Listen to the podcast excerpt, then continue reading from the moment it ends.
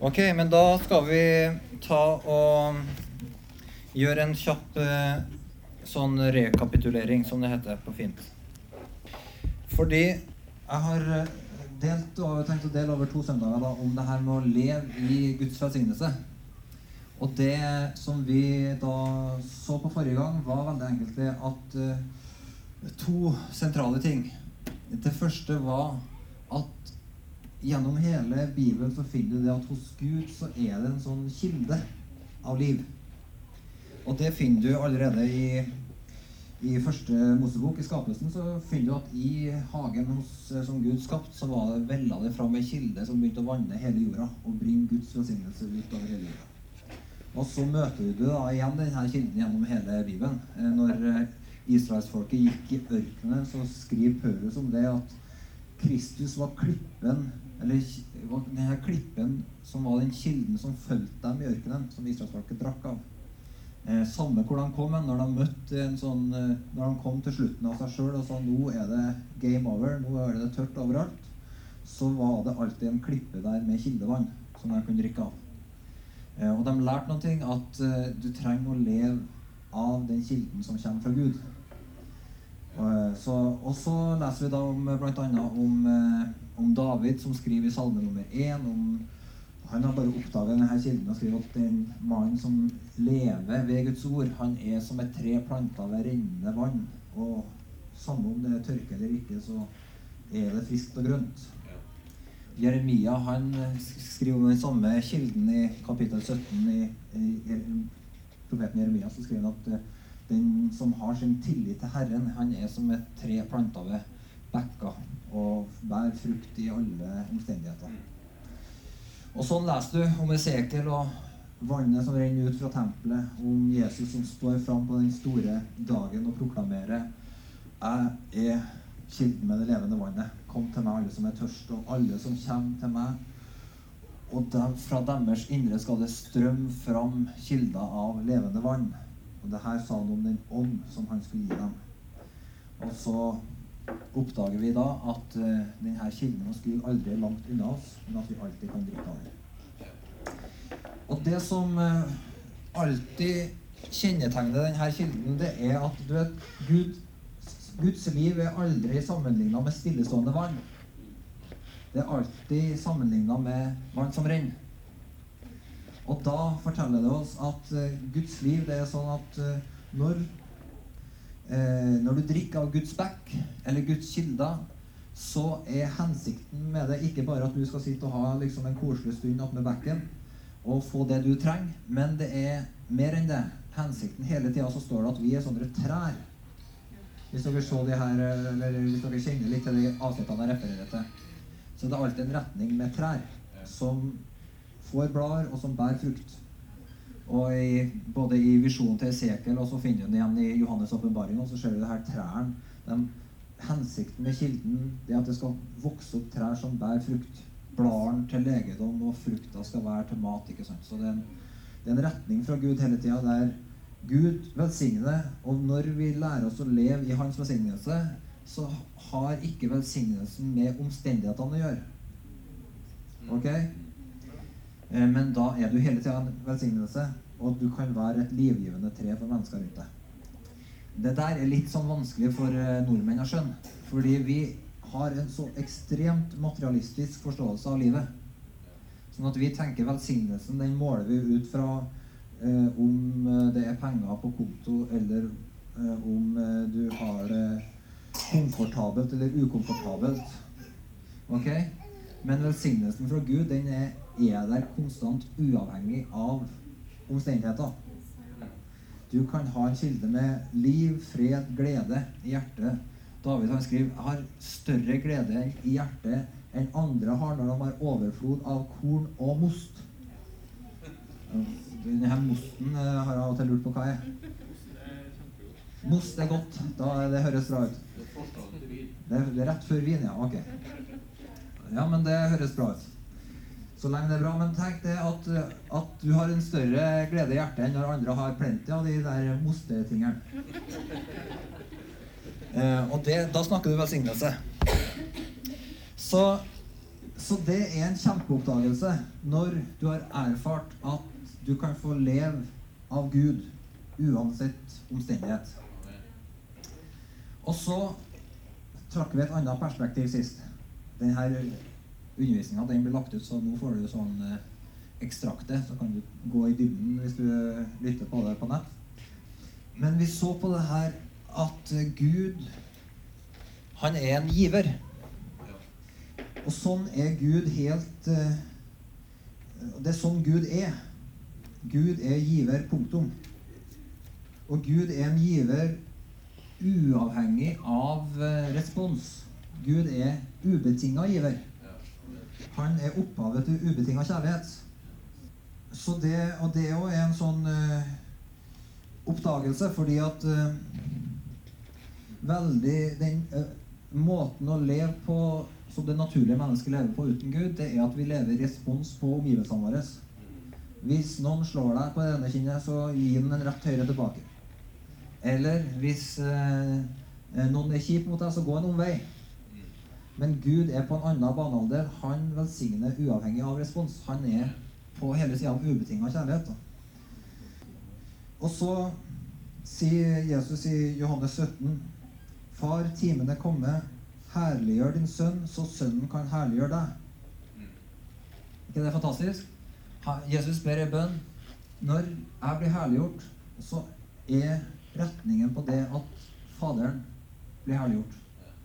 Det er et giverliv som starter alltid med Gud som far, og som Jesus hele tida, sønnen hele tida demonstrerte en respons på. Alt vi gjør, er en respons på den vi, hvem vi ser Gud er.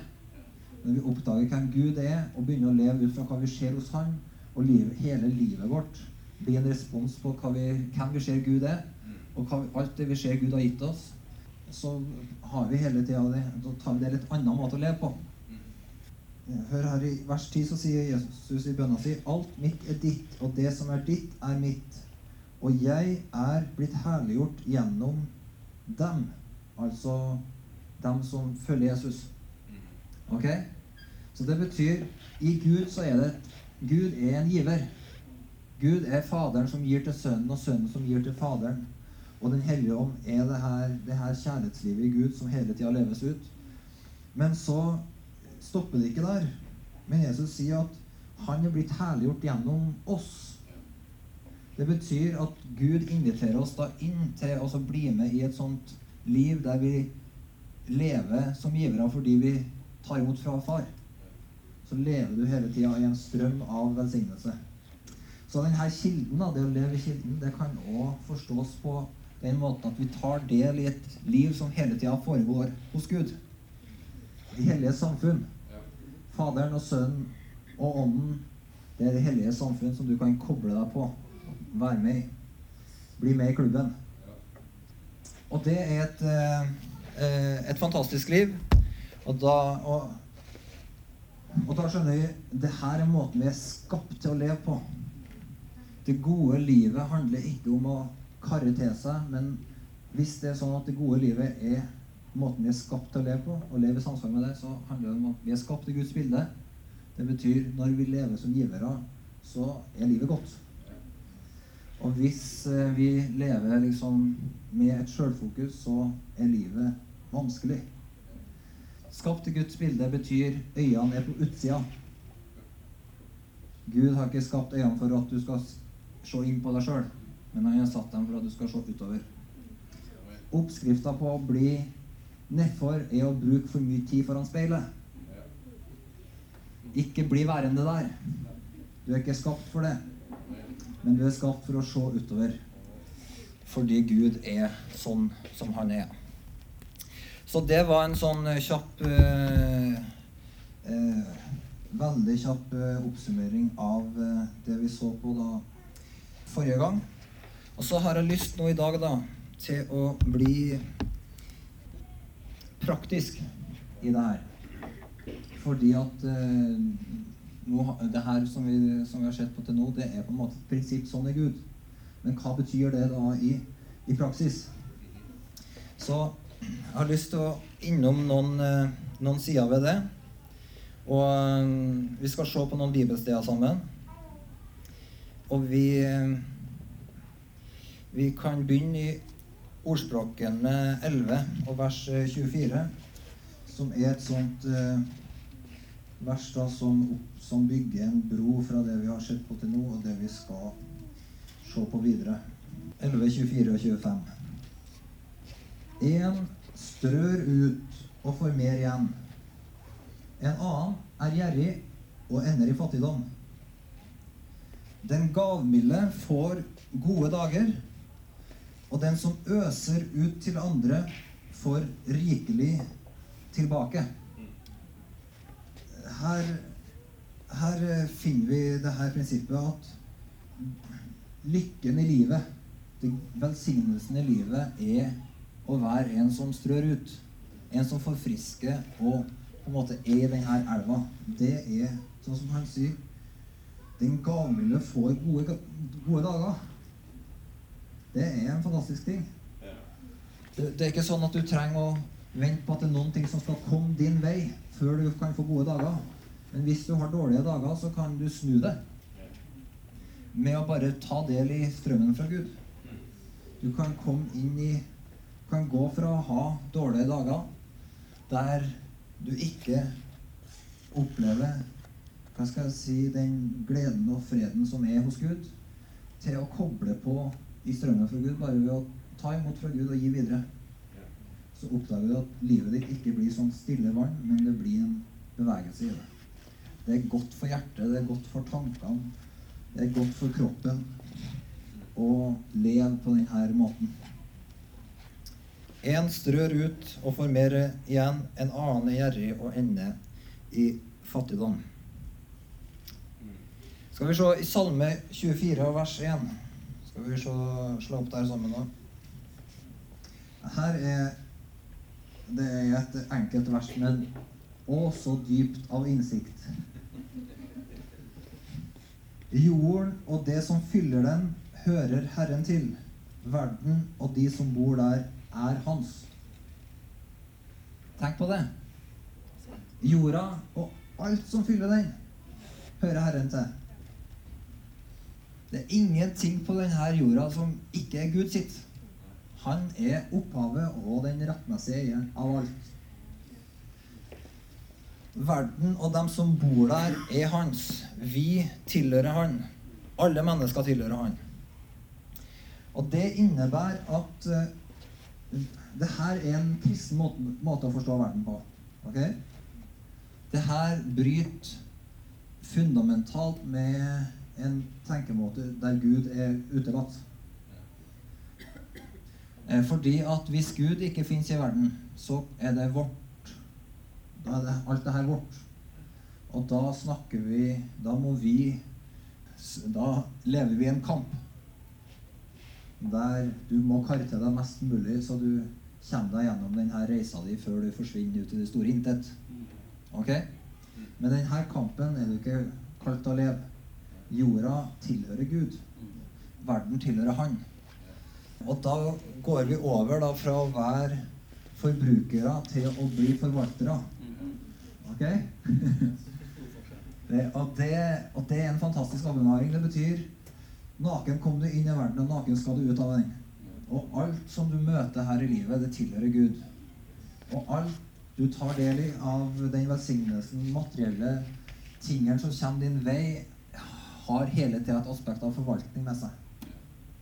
Fordi at det som er ditt, det er til syvende og sist Gud sitt.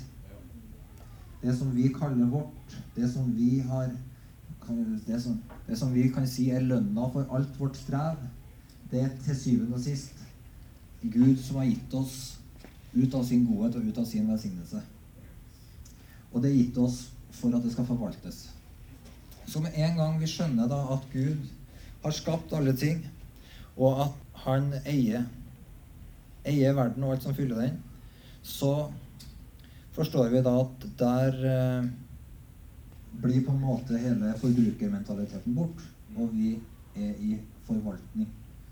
Og alt vi har og er, penger, gaver, talenter, tid, hjem og hus, alt sammen er en del av en stor forvaltning. Som, som betyr at Gud er med i alle her tingene. Altså, med, hvis Gud eier alt, så er Gud en del av bevisstheten vår i møte med alle ting i livet. Da er ikke liksom eh, eh, livet vårt med Gud begrensa til et salig bønnemøte, men vi oppdager at alt vi gjør, på arbeidsplass eller i møte med barneoppdragelse eller whatsoever, så er vi i berøring med Gud sjøl. Ok? Skal vi ta, gå til Matteus eh, kapittel 6 sammen? Det er veldig interessant å se hvordan eh, altså Jesus han gir oss i undervisninga si veldig mange prinsipper for å forstå Guds verden. Så vi kan, vi kan lese sammen fra kapittel 5. Der tar han oss inn i noen av de her prinsippene. I vers 43 så sier han Dere har hørt jeg sagt, du skal elske din neste og hate din fiende. Men jeg sier dere, elsk deres fiender, velsign dem som forbanner dere, og gjør godt mot dem som mishandler dere og forfølger dere. Nei, som hater dere, ja, og be for dem som mishandler dere og forfølger dere. ja. Slik kan dere være barn av deres far i himmelen. For han lar sin sol gå opp over onde og gode, og lar det regne over rettferdige og urettferdige. Om dere elsker dem som elsker dere, er det noe å lønne dere for. Gjør ikke tollerne det samme? Og om dere hilser vennlig på deres egne, er det noe storartet? Gjør ikke hedningene det samme? Vær da fullkomne, slik deres himmelske Far er fullkommen. Så her bare viser de det her. Ikke lev i en respons på omstendigheter. Ikke bli grinete når det regner. Ikke gå i kjelleren når virker bilen din. Ikke, ikke, du trenger ikke å leve på den måten her, men Gud lar sin sol gå opp over rettferdige og urettferdige. Du kan ha en god dag uansett hva som skjer. Og så går han videre og sier da eh, noe veldig interessant om hele sida av å ha en skjult tjeneste innenfor Gud. Han sier 'pass dere for å gjøre gode gjerninger for øynene på folk, for å bli sett av dem'. Da får dere ingen lønn hos deres far i himmelen. Når du gir en gave til de fattige, skal du ikke utbasunere det, slik hyklerne gjør i synagogene og på gatene for å bli æret av mennesker. Sannelig, jeg sier dere, de har alt fått sin lønn.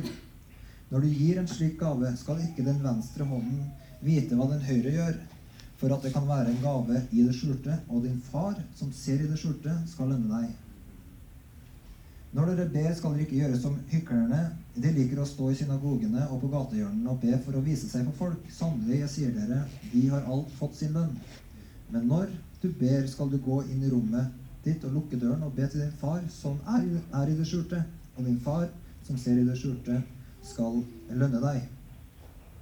Så Jesus sier at det har en Han, eller han forteller oss at det å tjene Gud i det skjulte er en del av hva skal jeg si, grunnvollen for en sånn sann gudstjeneste. En gudstjeneste med integritet. Et liv med integritet. Fordi det som skjer i det skjulte, det er, det er på mange måter syretesten på, eh, på hvem vi er. Det som skjer i det skjulte, definerer oss. Det er integriteten vår.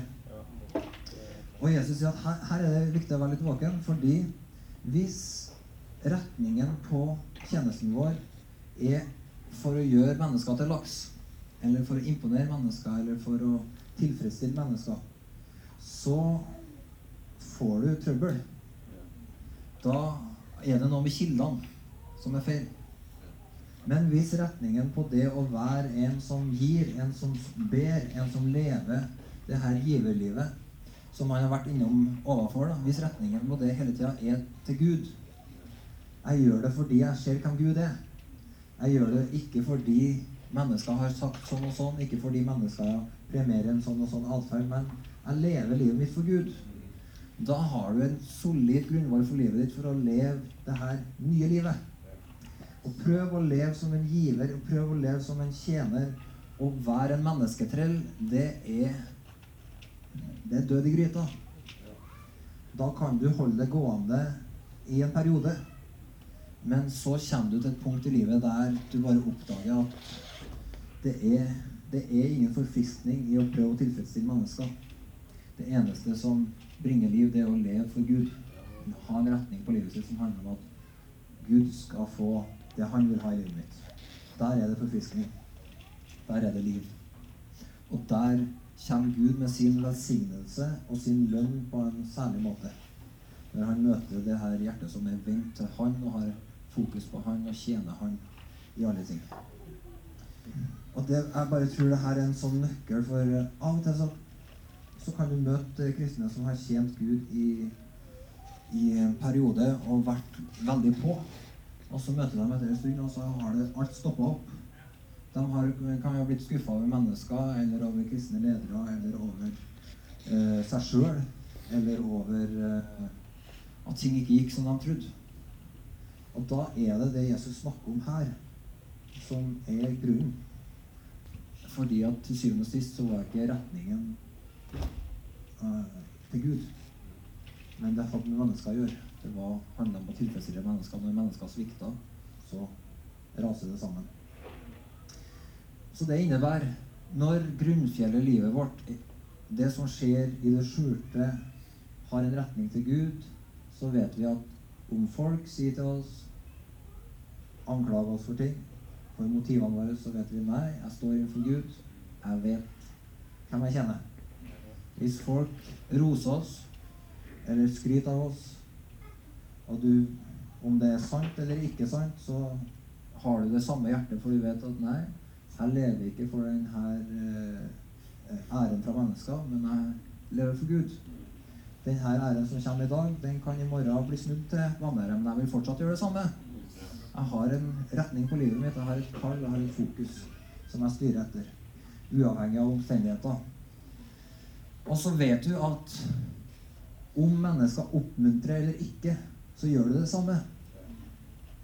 Fordi at han som er kilden til all oppmuntring, han holder deg på sporet.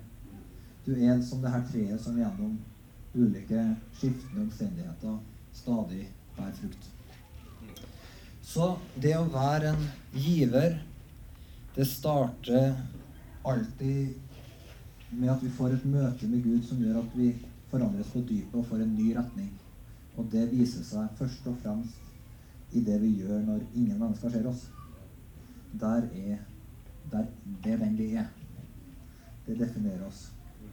Og så flyter det over. Som gjør at noen ganger så går de gode gjerningene foran deg, og noen ganger kommer de etter. Okay? Og Jesus han snakker masse om det her. Han snakker om det du sier i det skjulte, det blir ropt ut på hustakene. Og fasten din Det her er bra. du. Når dere faster, skal dere ikke gå med dyster mine, slik hyklerne gjør. De forsømmer sitt utseende for at folk skal se at de faster. Sannelig, jeg sier dere, de har alt fått sin bønn. Og når du faster, så gjør det fordi du ønsker å gjøre det for Gud, og innvie deg for Herren. All annen faste, det er ikke noe særlig. Ok. Gud er en gud som skjer i det skjulte. Lukas 16 og vers 9. Eh, her er Jesus innom eh, det her med eh, penger. Vi skal komme litt tilbake til det. Men han sier jeg sier dere, skaff dere venner ved hjelp av den uhederlige mammon. Så uh, mammon er den her Det er et annet uttrykk for uh, en skatt eller for penger. Uh, materialisme. Og han, mammon blir av og til omtalt som en sånn avgud. Han er kanskje den, han var den viktigste avguden på Jesu tid. Han er den viktigste avguden i Norge i dag. En avgud, det er en som du frykter og styrer livet etter så, på en sånn måte at du inngår kompromisser i å kjenne Gud. Ok? Så her sier han eh, Skaff dere venner ved hjelp av den uhederlige mammaen. Det betyr bruk pengene dine til å få venner. Er ikke det bra? Dette er Jesus som, eh, som lærer oss noe lurt. Det er det beste du kan bruke pengene dine på. Ok? Så de kan ta imot dere i de evige boliger når pengene tar slutt. Så da lærer du at venner, det varer mer enn penger.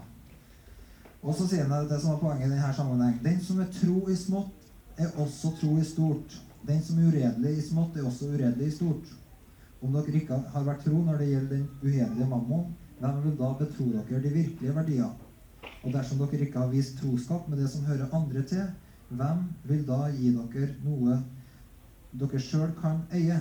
Ingen, kan, ingen slave kan tjene to herrer. Han vil hate den ene og elske den andre, eller holde seg til den ene og forakte den andre. Dere kan ikke tjene både Gud og mammon. Så her eh, Jesus understreker det med å være en tjener for Gud. Det handler om det vi gjør i det skjulte. Og så handler det om hva vi gjør i de små tingene. Eh, fordi at du kan alltid følge et liv inn til rota. Se hva er rota i det her, eh, det her livet er bygd på. Og Jesus sier at i de små tingene så viser det seg. Det er en sånn ting som vi har snakka en del om her, at, eh, at Gud betror oss mennesker. Han, eh, vi har sagt til Gud, Herre, gi oss å være en menighet for alle generasjoner.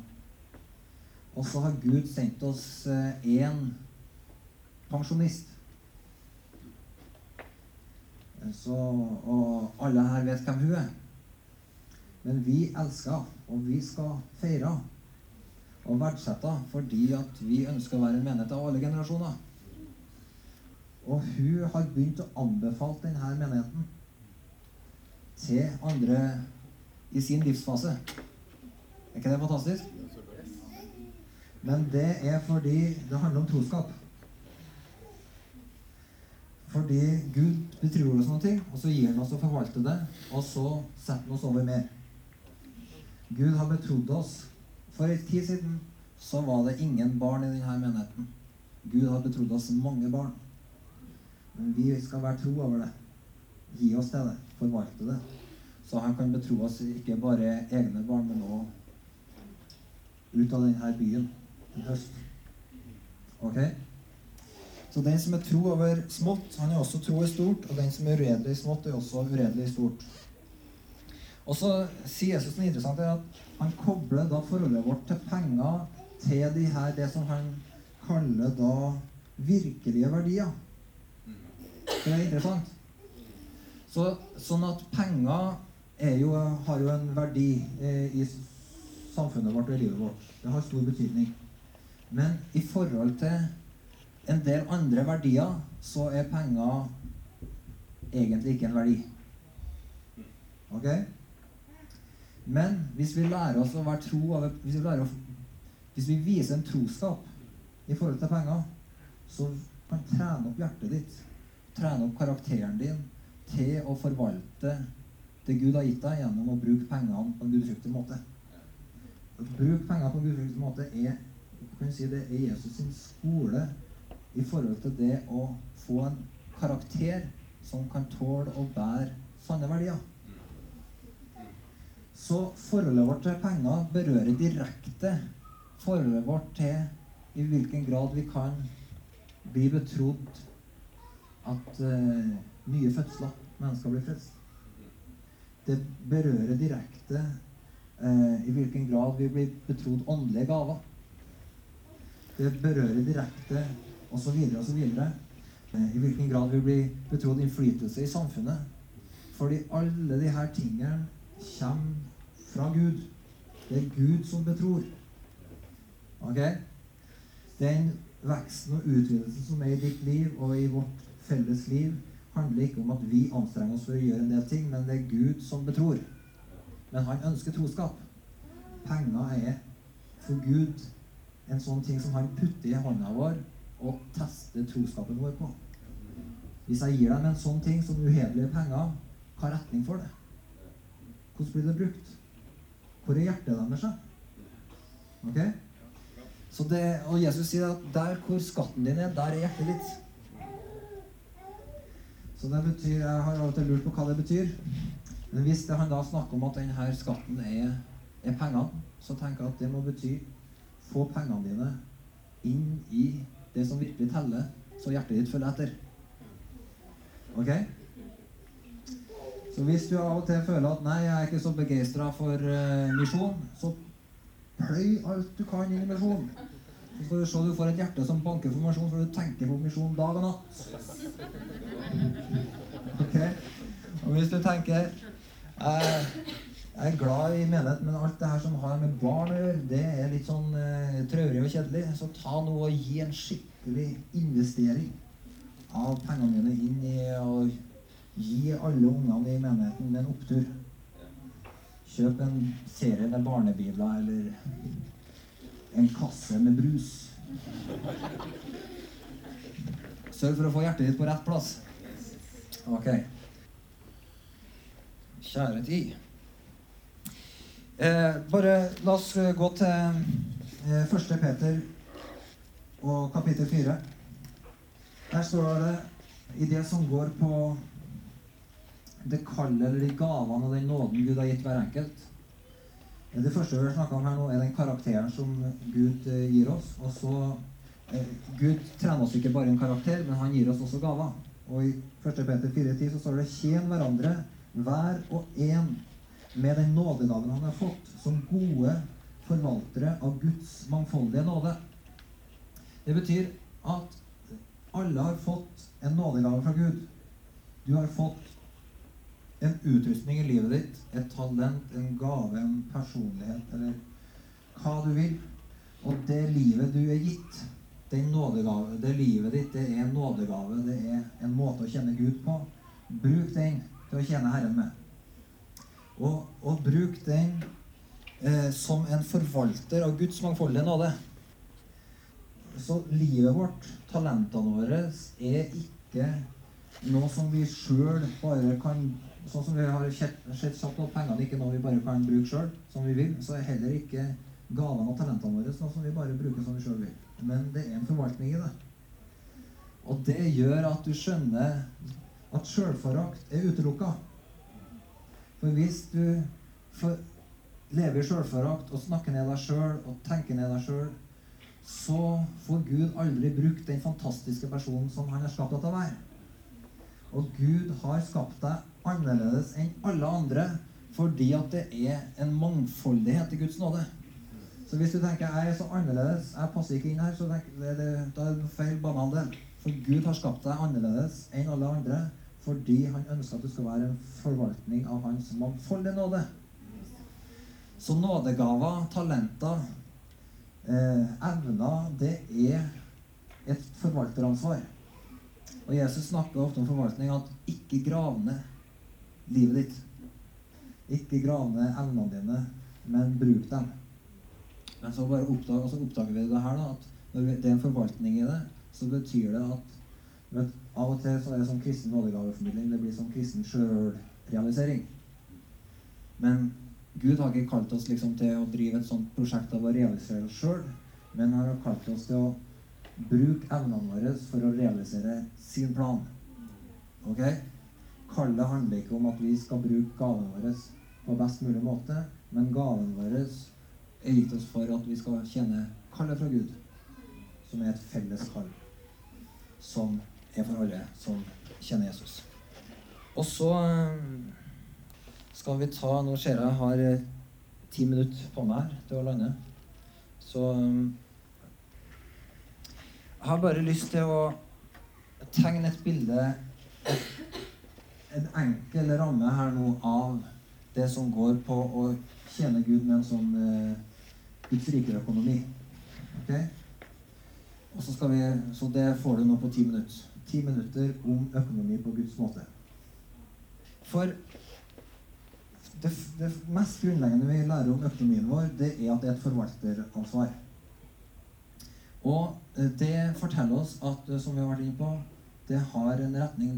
Det skal tjene Gud. Det betyr alle pengene dine er Gud sine, og du forvalter dem.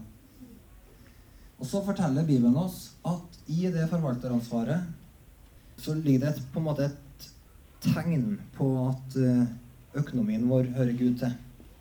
Første Mosebok, kapittel 14. Så skal du få se hva det her tegnet hvordan det her tegnet er. Abraham han er far til alle som tror. Altså, Abraham er eksempelet på hvordan alle som tror, skal leve. Han tjente Gud, og så står det at eh, at eh, det, han møtte en som het Melkisedek, kongen i Salem, som kom ut med brød og vin. Han var prest for den høyeste Gud. Han velsigna ham. Dette er i 1. Mosebok 14, vers 19. og sa, Velsigna er Abraham av Gud, den høyeste, han som brakt fram himmel og jord. Velsigna er Gud, den høyeste, som har gitt dine motstandere i din hånd. Så ga Abraham han tiende av alt. Så Abraham viser oss at når vi ser Guds velsignelse, når vi ser at alt vi har, er gitt oss av Gud, så er det første uttrykket for det er at vi gir tienden av alt vi har, vi bringer det tilbake til Gud. Tienden er altså ikke en givertjeneste, men det er et uttrykk, et synlig tegn, på at alt vi har, er gitt oss av Gud. Så Derfor så snakker Bibelen om tiende og offer som to ulike ting. Tienden er det som hører Gud til. Og det er, det, er litt, det er en litt rar ting å si, fordi at alt vi har, hører jo Gud til. Men så kommer det et prinsipp oppå det der som sier at alt vi har, hører Gud til. Og vi, vi viser og demonstrerer det ved at økonomien vår har en tidel som vi ikke rører. Gudsfrykten kommer inn og sier det her er ikke, det er ikke borti den. Vi bruker ikke den tiden til å betale skatt eller kjøpe brød eller sånn. Men det er noe som det er et tegn på at vi er en del av denne velsignelsen som Gud har satt oss i. Abraham møtte Guds velsignelse, og han ga Gud tiende av alt. Og Melkisedek, da, han eh, i Hebreerbrevet i kapittel 7, så kan du lese der i begynnelsen eller Fram til vers 17 der så leser du om hvordan Melkisedek er et forbilde på Kristus. Så Abraham er far til alle troende. Melkisedek er et forbilde på Kristus. Så det forteller oss at denne trosøkonomien starter med å bringe inn til Gud den tienden som er et tegn på at vi har en Guds rike-økonomi. Så, så, det forteller oss tienden er ikke en givertjeneste, og tienden er heller ikke en utgift. Når du setter opp budsjettet ditt Jeg er sånn at jeg har budsjett på årsbasis. Jeg har lært av en god venn at uh, du skal ha et godt budsjett, så må du samle alle utgiftene dine på et helt år, og så må du dele dem på ti. For da vet du at du har det du trenger hver måned, og så litt ekstra for de uforutsette utgiftene. Ok? Nå fikk du et uh, godt tips, som jeg har fått fra en god venn. Men uh, når du setter opp budsjettet, så det er vel ingen her som setter opp skatten sin i budsjettet. Er det?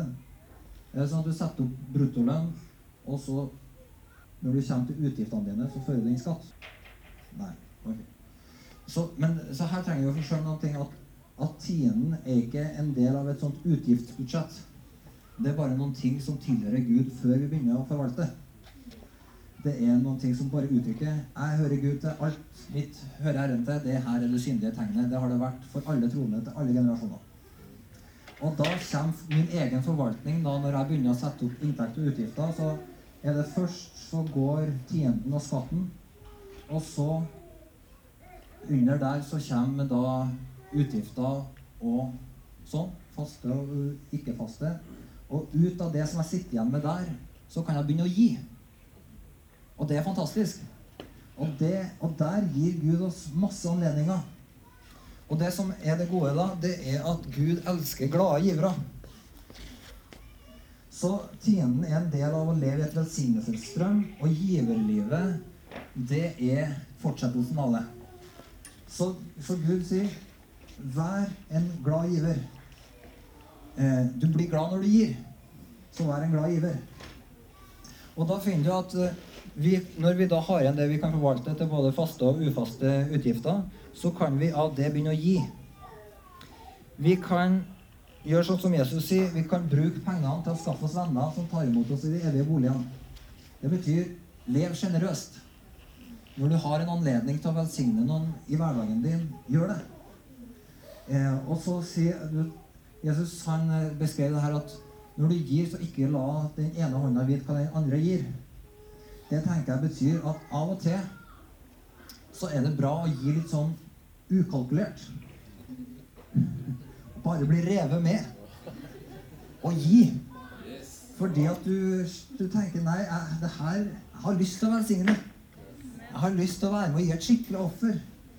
Og, og da trenger du ikke alltid å ta frem kalkulatoren og finne ut har jeg råd til å gi 700 kroner i dag. Nei, det, du trenger ikke å tenke på det. Hvis du har lyst til det, så har du lov til at den ene hånda ikke vet hva den andre gir. Ok? Så gi litt sånn ukalkulert. Og så er det en annen ting med giverlivet som vi trenger å skjønne, og det er at Gud er en fast giver. Har du tenkt på det? Hvis Gud ikke hadde vært en fast giver, så hadde vi vært i stor trøbbel. Fordi hver morgen går sola opp, og hver kveld så senker mørket seg. Hvis sola ikke har stått opp, we are in big trouble. Så har du våren, så har du sommeren, så har du høsten. Hvis årstidene ikke kommer, så har vi trøbbel. Hele livet vårt er innretta etter at Gud er en fast giver. Ok? Eh, så, så tienden, hvis du studerer den, så handler det om at det er mat i huset til enhver tid. Tienden er gitt for at levitene skal ha noe å leve av. Det betyr tienden er ikke en givertjeneste som man kan spre på alle mulige gode prosjekter som har med seg Jesus i navnet. Tienden er noe som du bringer inn i det huset som er ditt åndelige hjem, samme hvor du er. Og fordi det skal være mat i huset. Det, til og med så skal du sjøl få ta del i. Bli velsigna av at det alltid er nok der. Ok? Fordi du bringer inn eh, åndelige verdier, så, nei, materielle verdier, så blir du velsigna med åndelige verdier. Men, men eh, givertjenesten, da, den her eh, faste, sånn som Gud er, den tenker jeg, Når Gud er en fast giver, når Gud er en som gir regelmessig, så tenker jeg at hele skaperverket er innordna på den måten. Det betyr at det er lurt å ha et gjennomtenkt forhold ikke bare til tienden, men også til det vi gir. Fordi at det betyr at det er Guds rikearbeidet, det å drive kristen virksomhet, har med seg en økonomi. Gud er en fast giver. Han gir regelmessig. Og vi trenger å se at det er en sånn regelmessighet i Guds hus av givere. Så gi ukalkulert og spontant, og gi fast. Gi sånn at mennesker blir velsigna, og du vinner folk.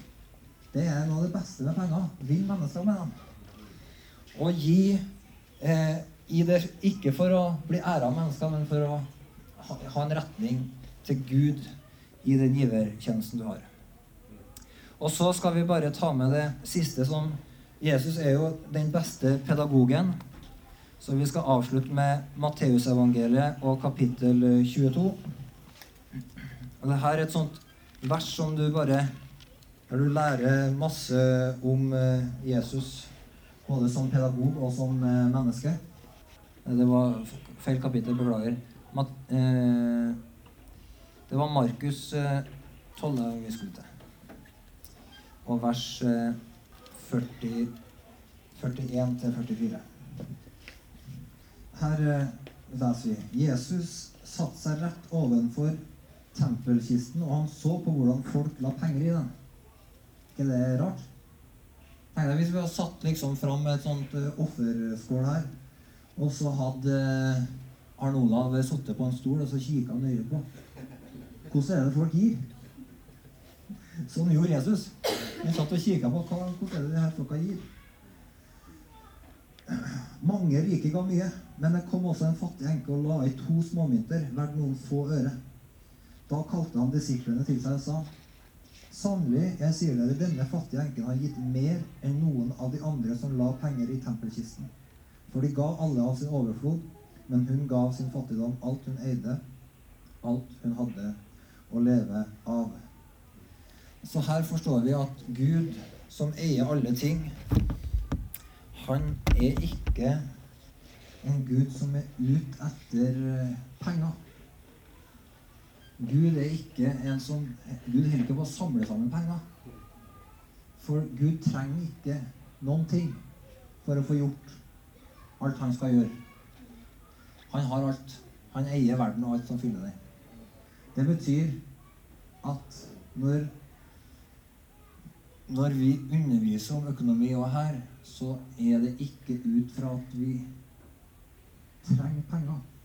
Det er ikke motivet, men det er fordi at Gud ønsker hele hjertet som tjener Han, og som er givere, og som gir til Gud ikke ut fra hva de har. Nei, ikke ut fra hva de ikke har, men ut fra hva de har. Som betyr at et helt hjerte med Gud viser seg i det skjulte. Det viser seg i forvaltning av nådegaver, av tid, av eh, alle ting. Og så viser det seg ikke ut fra størrelsen på de beløpene vi er med og gir, men det viser seg ut fra hvor er Hvordan gir vi? Gir vi med et helt hjerte ut av det vi har? Eh, Og hvis vi gjør det, så er det akkurat som Jesus da løfter det fram og sier 'se her'. Han som ser i det skjulte, han lønner det åpenbare. Altså. Se her, denne dama. Hun slo knockout på hele finanseliten i Jerusalem. For hun ga et offer som hørtes i himmelen. De to myntene ga gjenklang i det himmelske fordi at det var et offer i det. Og en giverglede der hun bare ønska å se at det var Hun ville være med og se huset fungere sånn som Gud ville ha det. Så det er velsignelseslivet. Det måles ikke i hvor mye, men i at du er i denne strømmen fra Gud.